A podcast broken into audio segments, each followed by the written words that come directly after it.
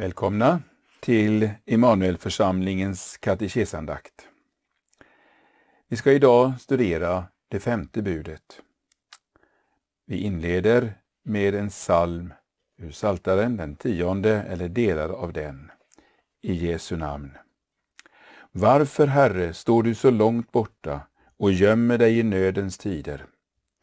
Genom ogudaktigas övermod måste den nödställde lida Låt dem fångas i de onda planer de tänkt ut. Ty den ogudaktige skryter över sina själviska begär. Den girige välsignar han och föraktar Herren. I sitt högmod söker den ogudaktige inte Gud. I alla hans tankar finns inte plats för Gud.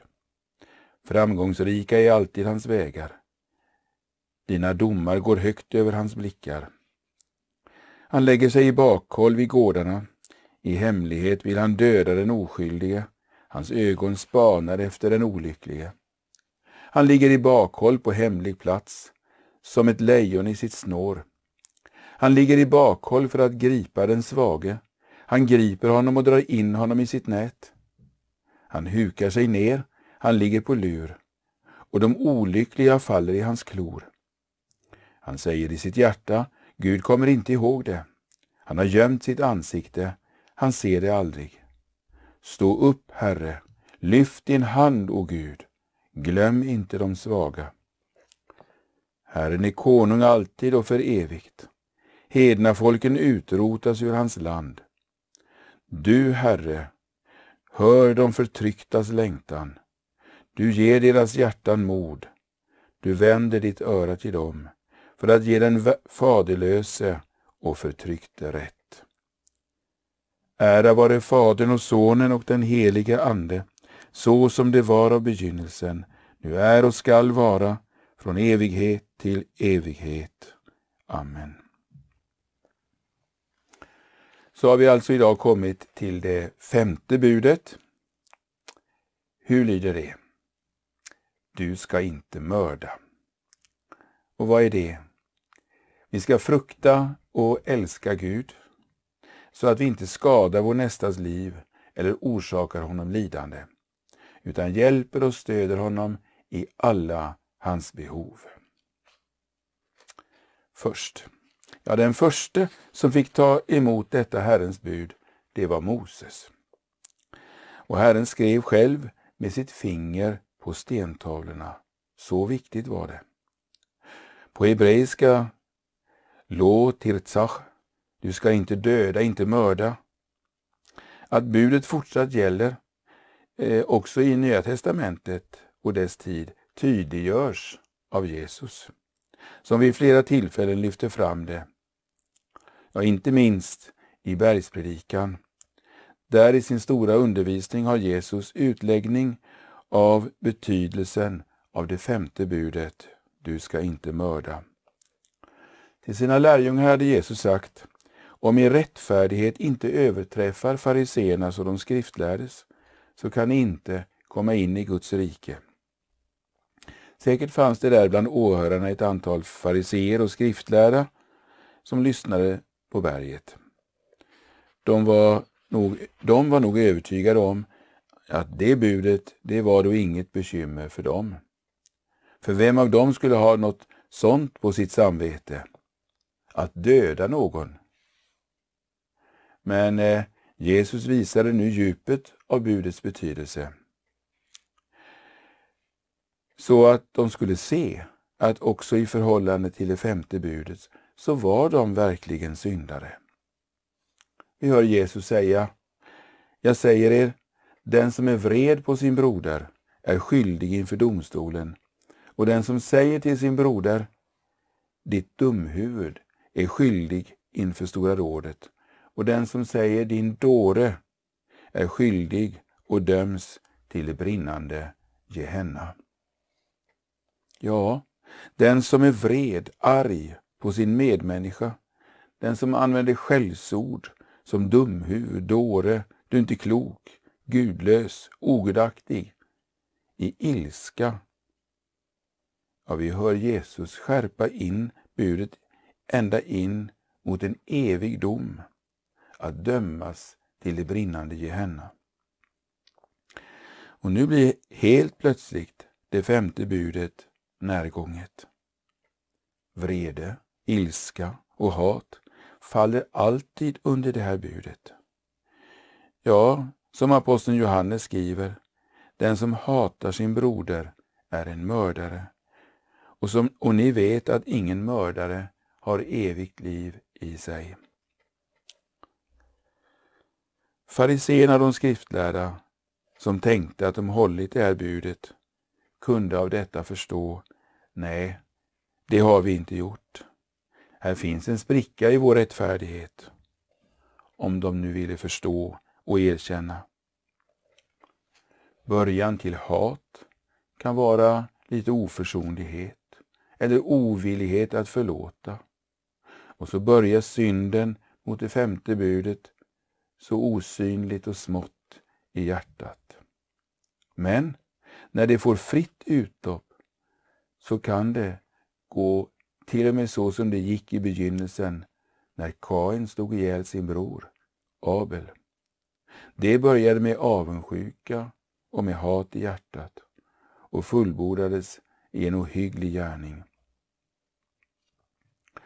Motsatsen till oförsonlighet och allt övrigt ont kan finnas, som kan finnas under detta bud, det är godheten, vänligheten, att göra väl, att stötta och hjälpa.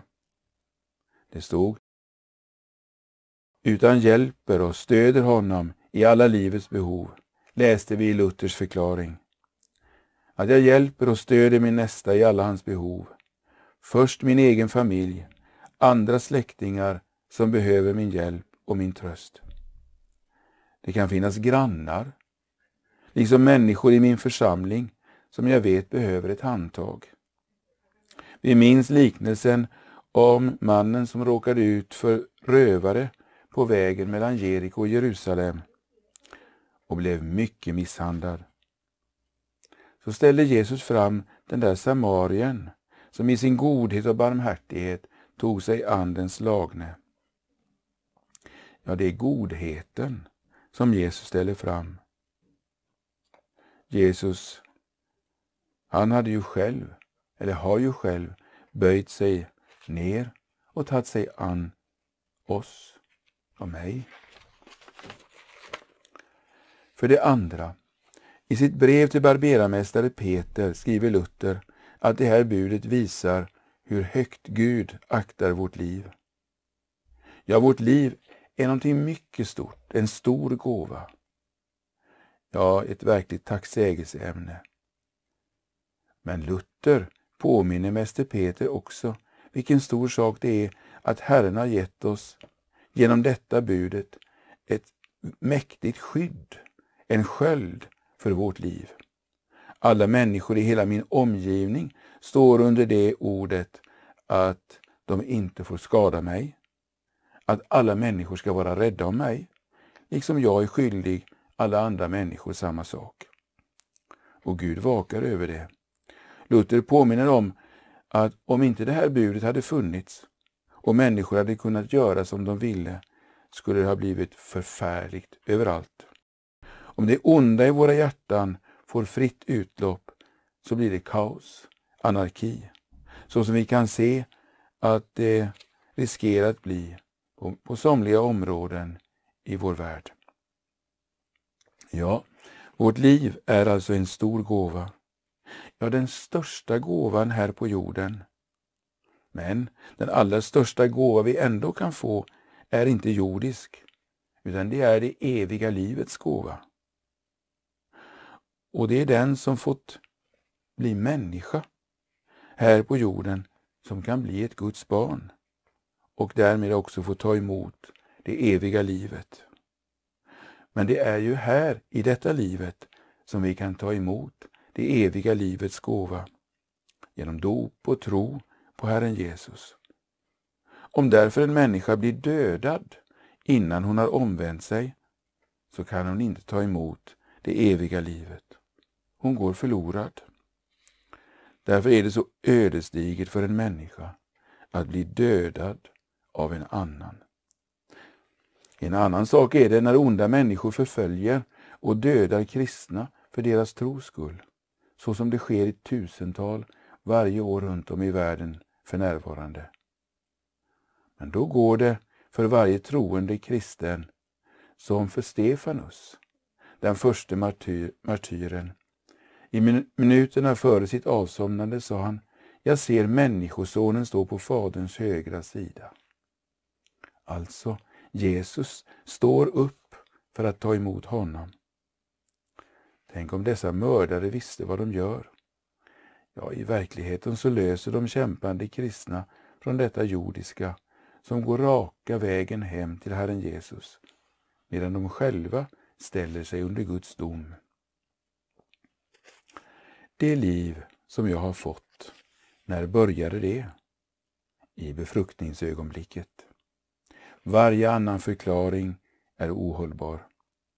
Hela min personlighet, mitt DNA, man eller kvinna, allt är klart från allra första början. Därför gäller det femte budet också frågorna kring abort. En abort är synd mot det femte budet. WHO anger en siffra på över 70 miljoner aborter, legala och illegala, i världen varje år. Vilken synd! För det tredje, när jag står inför budet, du ska inte mörda, så måste jag bekänna både min och världens dumhet, att vi inte bara är så gräsligt otacksamma för Guds faders kärlek och omsorg om oss, utan också att vi inte lärt känna ett sånt här bud och en sån, sådan lära och inte heller vill lära oss och att vi förhåller oss till det som om det inte angick oss. Jag har anledning att bekänna som synd all den ondska som ständigt härjar i mitt inre, för den oförsonlighet och ovilja att förlåta som vill ta befäl över mig. Jag måste bekänna att jag så ofta gått förbi min nästa som hade behövt mig och kunnat få hjälp av mig. Men jag gick förbi. Kanske att jag måste bekänna att jag låter alla de ofödda barnens riskfyllda tillvaro, tillvaro gå förbi mig och behåller liksom skygglappar på och ser bort. För det fjärde ska vi säga ett par ord om vad vi behöver be om. Vi vill be om nåd att förstå vad det här budet betyder för oss. Ja, vad orden i förklaringen betyder. Vi ska frukta och älska Gud så att vi inte skadar vår nästa eller nästas liv och orsakar honom lidande, utan hjälper och stöder honom i alla livets behov. Ja, vad det betyder i min vardag och vad det betyder för mitt hjärtas inställning och hållning gentemot min nästa. Inte minst den nästan som jag har svårt att fördra. Och vad det är att förlåta min medbroder och min medsyster, att inte bära agg. Jesus lärde oss att be, förlåt oss våra skulder, såsom också, och vi förlåta dem oss skyldiga äro. Jag låt oss inte glömma att Jesus har knutit samman bönen om förlåtelse med beredskapen att förlåta min felande medmänniska. Och han lär oss också alldeles just i anslutning till bönen Fader vår de här orden. Ty om ni förlåter människorna deras överträdelser skall er himmelske far också förlåta er. Här finns också anledning att be om hjälp att vara vänliga och goda mot alla. Inte minst när det bränner till eh, i en besvärlig diskussion eller i ett samtal. Eller jag blir ställd inför andras anklagelser mot mig. Jesus var god mot alla och vi ber om hjälp att vandra i hans spår. Vi ber också att han som har satt upp detta bud som en sköld eh, mot den som vill göra mig illa, att han också bevarar mig för mördaren från begynnelsen. Han, han som fick Kain att döda sin bror, han som råder i varje mördare, att han inte ska få nå mig och det mina, eller mina grannar och mina medkristna i våra församlingar. Ja, vi befinner oss ju inte så långt ifrån sådana oroliga områden i vår stad där skjutningar äger rum. Budet om att inte mörda betyder ju också att Gud förbjuder aborterna. Det är en av de allra värsta samlade skulderna inför Gud som världen bär på. Och vi ber för de ofödda värnlösa och vi ber om en ny syn på denna fråga skulle väckas i vårt folk. I vår bön vill vi också inkludera alla de många kristna i världen som har förlorat sina män, sina pappor, sina söner och sina döttrar i antikristna terroranfall. Den förföljelsen kan vara närmare än vi tänker också i vårt land. Till allra sist, till försoning för alla våra synder mot det femte budet gömmer sig också en dyrbar evangelisk hemlighet i det budet. Vi har påmint om Kain och Abel. Gud sa till Kain, hör, din broders blod ropar till mig. Det blodet ropade på hämnd.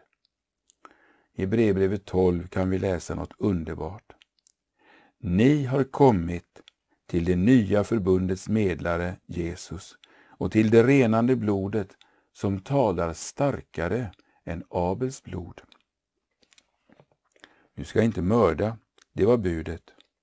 Men ett överlagt mord, ett justitiemord med både judar och hedningar som ansvariga, ledde till vår Herres Jesu död. En förfärlig synd mot Guds vilja och ändå var detta brott inkluderat i Guds eviga rådslut. Det blev till en försoning för alla de oändligt många synderna mot det budet och alla andra bud, för alla människor genom alla tider. Ja, här är ett blod som talar starkare och bättre än Abels blod, det som talar om hämnd. Nej, Guds heliga hämnd över vår synd har drabbat Guds son. Straffet var lagt på honom för att vi skulle få frid. Det var en mördare som hängde bredvid Jesus på korset och han bekände, vi lider vad våra gärningar är värda, men denne har inget ont gjort. Och så sa han, Jesus, tänk på mig när du kommer i ditt rike. Och Jesus svarade, idag ska du vara med mig i paradiset. Det är denna nåd mot rövaren som också vi får kasta oss på när vi tänker på all vår synd, också mot det femte budet. Amen. Låt oss be. Vi tackar dig, Herre, för att du har skapat oss och gett oss livet. Ja, det är en stor nåd att vi får vara till, men vi ber dig om nåd att leva våra liv helt inför dig. Tack för att du har satt ett sådant skydd kring våra liv med detta bud. Vi ber om förlåtelse för alla våra synder mot vår nästa, när vi i våra hjärtan har burit på agg, oförsonlighet och hat. Förlåt oss all brist på godhet och vänlighet. Ja, Herre, hjärtats synder hos oss är många. Vi ber om samma nåd som rövaren fick. Vi ber om din helige Ande som fyller våra hjärtan med vänlighet, försonlighet och godhet. Ja, gör oss goda, hjälpsamma och barmhärtiga mot människorna i vår närhet. Vi ber för alla de ofödda barnen som ligger där värnlösa i sina mödrars moderliv. Vi ber om ett andligt och mänskligt uppvaknande i vårt land. Du låter pandemins tunga hand vila över oss. Herre, är det för de miljontals aborterna världen över som du ännu inte dragit farsotens tunga hand ifrån oss? Ja, så ropar vi till dig, Herre, förbarma dig över oss. Jag förbarmar dig också över alla de många församlingarna ut över jorden, där man får uppleva martyriets verklighet. Ge våra trosyskon förnyad tro, uthållighet att vara stilla inför sina fiender. Var hos dem särskilt som den här dagen får möta döden för ditt namns skull. Tack för att du står färdig att ta emot dem och ge dem livets krona. Amen. Fader vår, som är i himmelen. Helgat varde ditt namn, tillkommer ditt rike.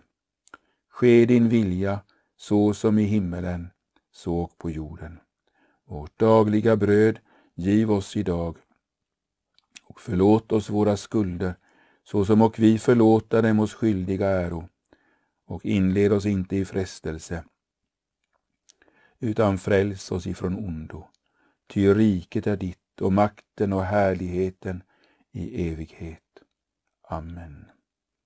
Herren välsigna oss och bevara oss för allt ont och för oss en gång till det eviga livets glädje. Amen. Vår andakt slutar med att vi sjunger ifrån psalmer 1991, eh, nummer 871, vers 6.